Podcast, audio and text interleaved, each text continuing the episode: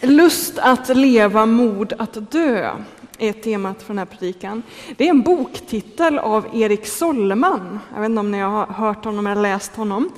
Eh, jag har inte läst den boken själv, men jag, jag, jag fastnade vid den titeln. Lust att leva, mod att dö. Och när jag sökte på internet på det här uttrycket så märkte jag att det finns också en statlig utredning som handlar om en värdig äldrevård som också heter så. Lust att leva, mod att dö.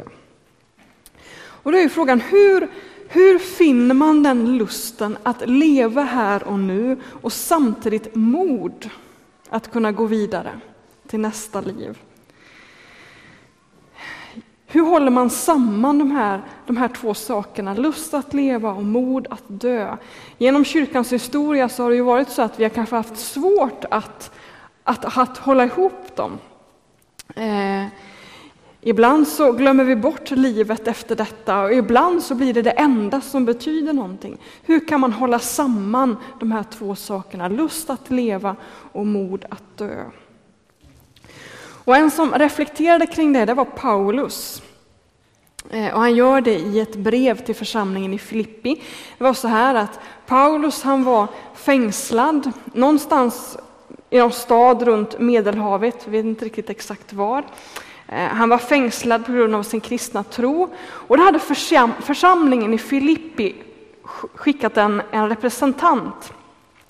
Så säga, Epafroditos hette han som hade med sig en del förnödenheter till Paulus så att han skulle kunna klara sig i fängelserna, för det var ganska svåra förhållanden där. Och han stannade, den här församlingsmedlemmen, hos Paulus och besökte honom dagligen i fängelset under en lång period.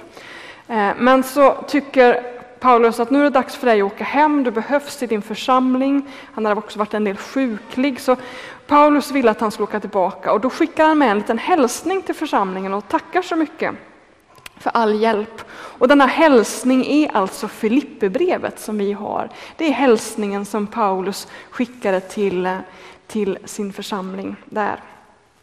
Eh, och I inledningen av brevet så berättar Paulus lite om hans förhållanden, om livet i fängelset. Och han säger, se inte detta som något negativt bara, utan det här, det, att jag sitter i fängelse har också gett mig möjligheten att kunna vittna om Jesus för de som tjänstgör i fängelset. Och, jag, och mina bojor vittnar också om Kristi kärlek. På att, att Paulus är villig att, att eh, gå in i det här, in i den här fångenskapen för Jesus skull. Så Paulus försöker få församlingen att, att få dem att förstå att det här är också någonting positivt. Detta lidande som jag finns i. Och då ska vi läsa från kapitel 1, vers, från mitten av vers 18. Men också i fortsättningen ska jag kunna glädja mig. Jag vet ju att allt detta kommer att leda till min räddning tack vare era böner och den hjälp som Jesu Kristi ande ger. Jag väntar och hoppas att jag aldrig ska stå där med skam utan att jag nu som alltid öppet ska våga lovprisa Kristus med min kropp, vare sig den ska leva eller dö. Ty för mig är livet Kristus och döden en vinning. Såvida inte ett fortsatt liv här på jorden ger mig en vinst genom mitt arbete, för då vet jag inte vad jag ska välja. Jag slits åt båda hållen, jag längtar efter att bryta upp och vara hos Kristus, för det vore ju det allra bästa.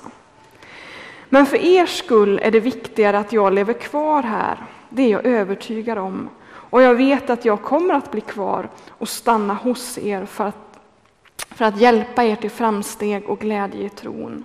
Och genom mig, och genom mig, genom mig, genom att jag kommer till er igen, ska ni bli allt stoltare över att tillhöra Kristus.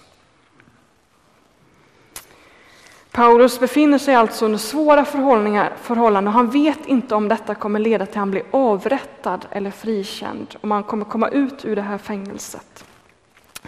Men i den här svåra situationen så säger han då, jag, jag vet att jag kommer kunna fortsätta vara glad. Filipperbrevet har kallats för glädjens brev, just för att Paulus nämner detta med glädjen på flera ställen. Paulus hade lust att leva mitt i den här svåra situationen som han var. Och då är frågan, vad var hans källa till glädje? Låt oss visa ett nyckeluttryck som finns i det här brevet. Ty för mig är livet Kristus och döden en vinning. Paulus källa till glädje, det som ger honom lust att leva, det är Kristus. För mig är livet Kristus. Det är, för, det var liksom, det är hans livsluft för Paulus. Han byggde inte sitt liv på umgänget med vänner, goda middagar, en frisk och en stark kropp, kaka till kaffet, vackra tapeter och solsemestrar.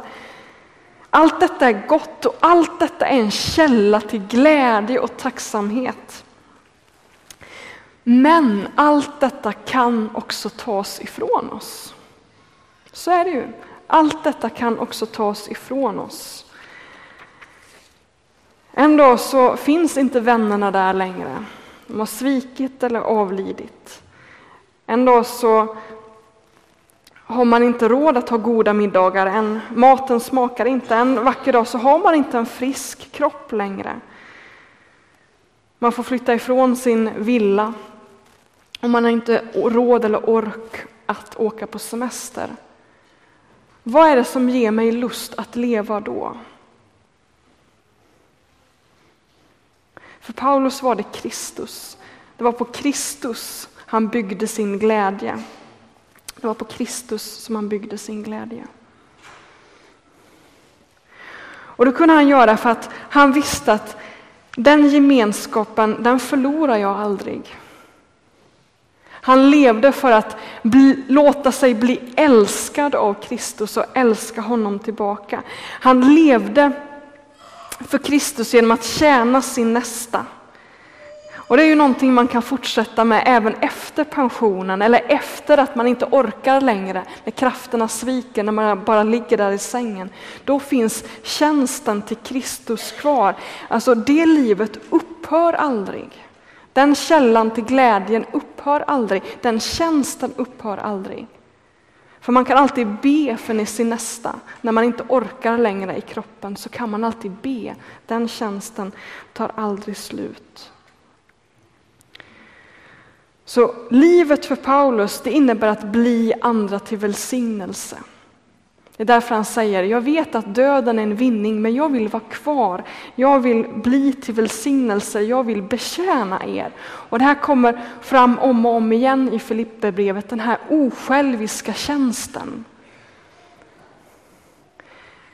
Att tjäna sin nästa i allt för att tjäna Kristus på det sättet.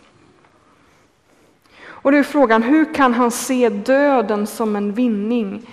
Jo, för Paulus vet att den dagen han dör, antingen på grund av sjukdom eller att han blir avrättad, den dagen kommer han få omslutas av Kristus. Han kommer få möta Kristus ansikte mot ansikte.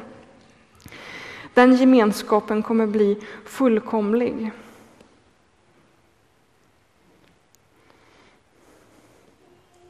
Därför kan Paulus säga på det sättet, för mig är Kristus livet. Både före döden och efter döden. Hela hans liv är präglat av Kristus. Och han kan mitt i det här lidandet, mitt i det här fängelset vara glad. Han kan glädja sig. För han vet att, eller han har en källa till glädje som aldrig upphör. Så här står det i första Thessalonikerbrevet. Eh, Paulus skriver till församlingen Thessaloniker så här.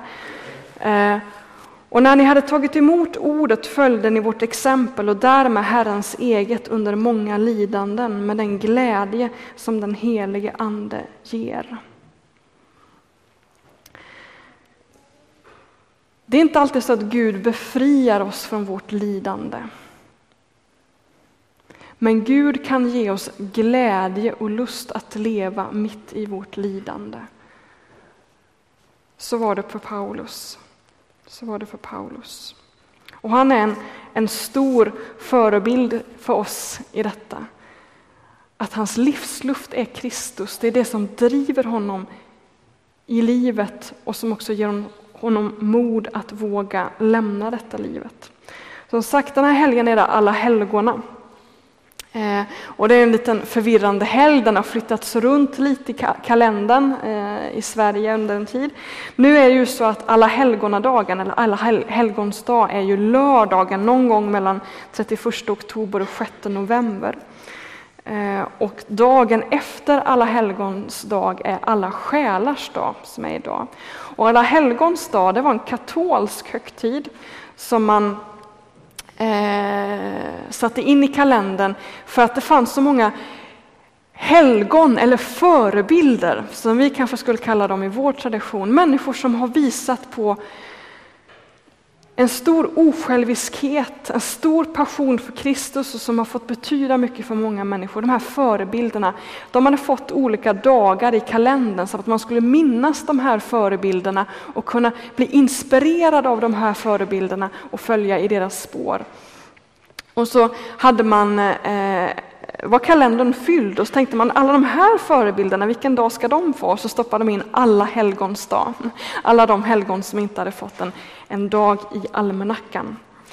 Eh, vi är ju en del av den protestantiska kyrkan och vi har ju en liten annan tro på detta med helgon. I katolska kyrkan så, så ber man ju om helgonens förbön, precis som vi, jag kan be om era förböner så ber de eh, helgonen om, förebild, om förbön. Men i vår tradition så är helgonen bara förebilder, de är föredömen. De visar hur ett, ett, ett liv i Jesu efterföljelse kan se ut. Ehm, och jag tror att, det, att vi behöver ägna oss åt det, att tänka på våra föredömen. Paulus skriver faktiskt, faktiskt om detta i, senare i Filipperbrevet, att ta mig till föredömen och alla de som, som lever efter det här exemplet. Vi behöver ha föredömen i våra liv som kan visa på den här stora passionen, eh, tjänsten i, i, till Jesus. Så skaffa dig förebilder. För när man läser om de här föredömen, när man hör om dem, då kommer ju den här frågan, vad lever jag för? Vad lever jag för egentligen? Vad är det för halvmesyr jag håller på med egentligen? Vad lever jag för? Vad har jag för mål och mening med mitt liv? Varför dricker jag ju så usla brunnar? Hur kan det vara så att en människa som är fattigare än jag, som är sjukare än jag, ändå kan vara gladare än jag? Det är det man slås av när man möts de här föredömena. Att mitt i sin bräcklighet, i sin fattigdom, i sin sjukdom så finns det en glädje, en passion och en skönhet i deras ansikten. De visar på att det är verkligen så att Kristus är livet. Det är det det handlar om. Det är det som ger livet en mening. Så på alla helgons dag så påminns vi om alla dessa föredömen som har visat på ett, ett liv i Jesu efterföljd, hur det kan se ut. Och sen har vi alla själars dag, det är när vi tänder ljus på våra gravar och minns de som gått bort. Eh, både de som dött med Kristus för ögonen och de som har varit utan Kristus i sitt dödsögonblick. Och vi påminns om vår egen död. Och vi måste ställa oss frågan, har vi mod? Har vi mod att våga möta döden? Vad är det som ger oss lust att leva? Och har vi mod att dö?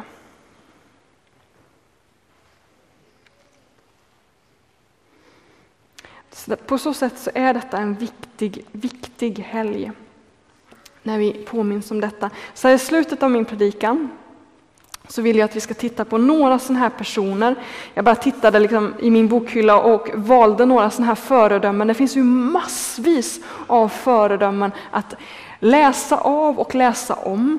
Och vi ska ta några nutida och några sen, eh, vad heter det?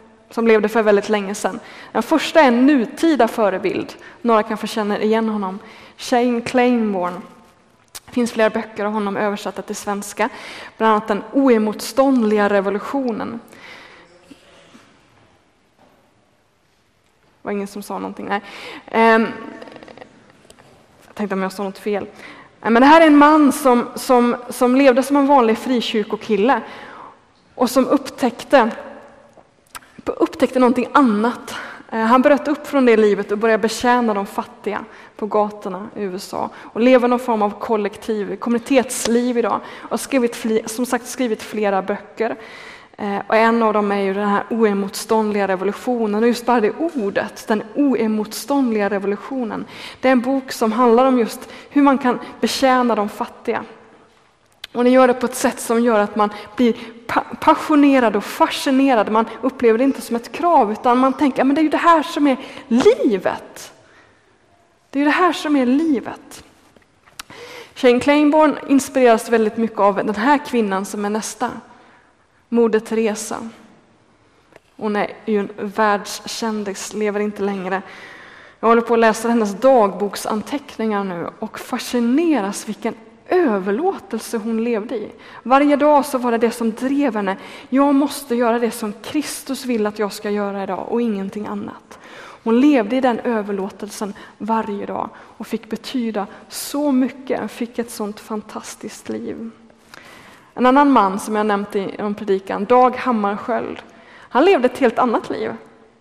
Han eh, var generalsekreterare för FN och var helt överlåten till det yrket och försökte tjäna Kristus mitt i, i, i de här världskonflikterna och i de här maktens korridorer.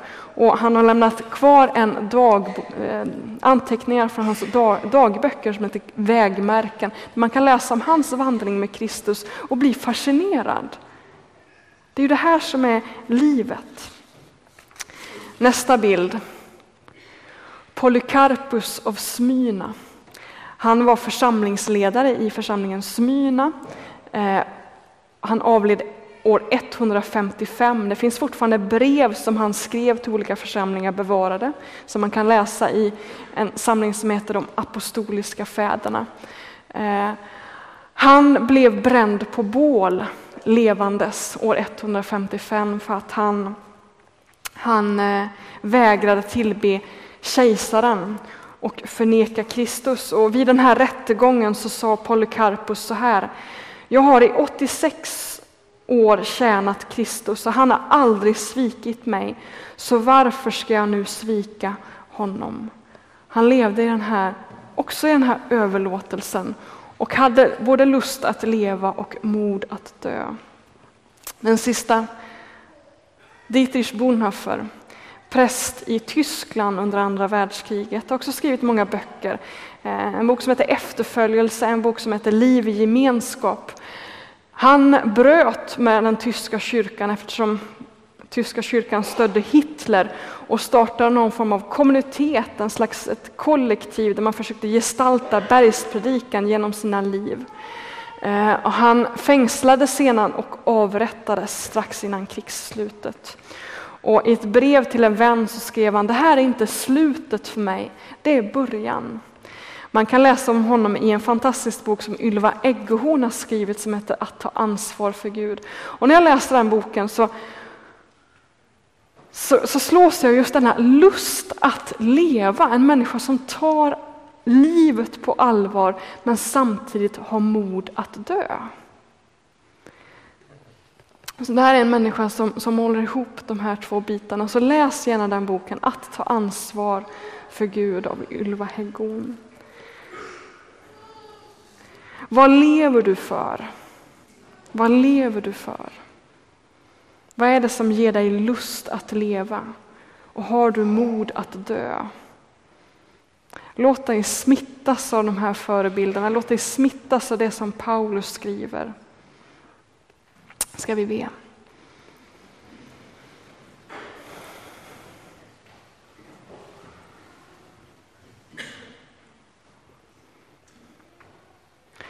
Herre, du vet vad, vad som får oss att vilja stiga upp på morgonen.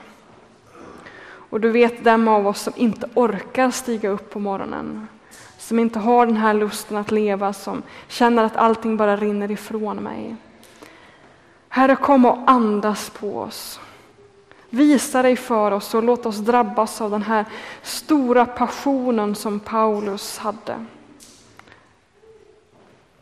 Herre, hjälp oss att hitta föredömen som vi kan låta oss bli inspirerade av. och som kan hjälpa oss att leva på ett meningsfullt sätt. Och jag ber att du skulle komma till oss som inte vågar släppa taget om våra liv. Som inte vågar möta döden, utan ser på döden med fruktan. Herre, visa oss ditt hopp. Gör hoppet levande för oss. Låt oss få se dig i den här gudstjänsten. Hjälp oss att kunna överlåta våra liv till dig ännu mera. I Jesu Kristi namn. Amen.